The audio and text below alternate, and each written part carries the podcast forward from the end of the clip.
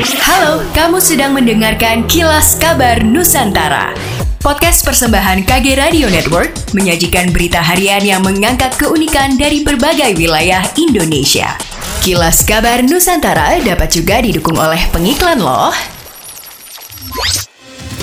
Sekretaris Daerah Sumatera Selatan Insinyur S.A. Supriyono mengatakan penyelenggaraan pelayanan perizinan dan non-perizinan merupakan salah satu bentuk reformasi birokrasi yang dilakukan oleh pemerintah dalam menyederhanakan proses pelayanan publik untuk menjawab kebutuhan masyarakat yang menginginkan pelayanan publik yang transparan, cepat dan tepat berdasarkan peraturan dan perundang-undangan Dinas Penanaman Modal dan Pelayanan Terpadu Satu Pintu atau PTSP merupakan gerbang utama yang penting dalam pelayanan publik dan peningkatan investasi terutama di Sumatera Selatan. Sementara itu Kepala Dinas Penanaman Modal dan Pelayanan Satu Pintu atau DPM PTSP Provinsi Sumatera Selatan Haji Lusabta Yuda Kurnia SCMM dalam laporannya mengatakan untuk mewujudkan pelayanan prima tersebut harus ada penguatan kelembagaan pekerjaan di internal PTSP, seperti penguatan bisnis proses, antara lain dengan SOP yang jelas dan transparan perizinan, termasuk penyederhanaan adanya transparansi informasi,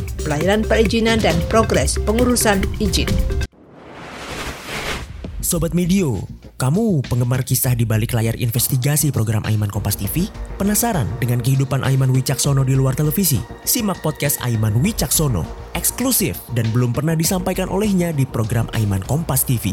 Persembahan Media Podcast Network by KG Media, Kompas TV, dan Trusted Talent Management hanya di Spotify. Komisi Pemilihan Umum KPU Sulawesi Selatan mengumumkan daftar pemilih berkelanjutan atau DPB. Tercatat sebanyak 6.126.977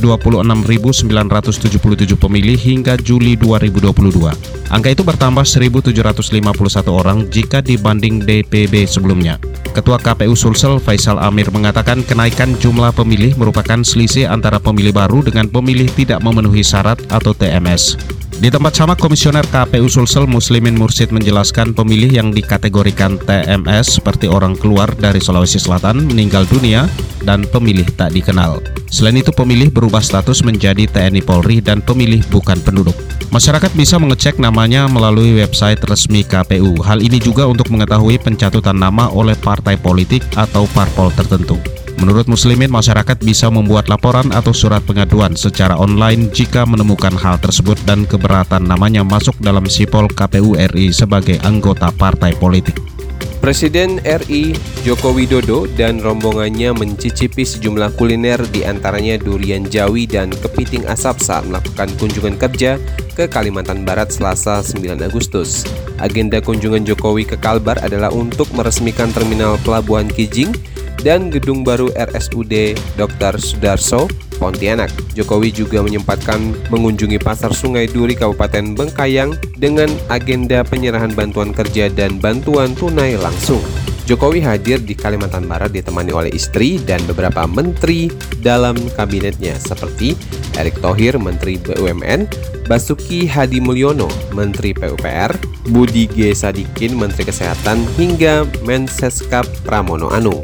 Di sela-sela kunjungan kerjanya tersebut, Presiden beserta rombongan melakukan istirahat dan makan siang di restoran Pondok Kakap Pontianak. Tak disangka salah satu penjual durian jalanan di depan restoran tersebut kebanjiran orderan oleh Presiden Joko Widodo beserta rombongan.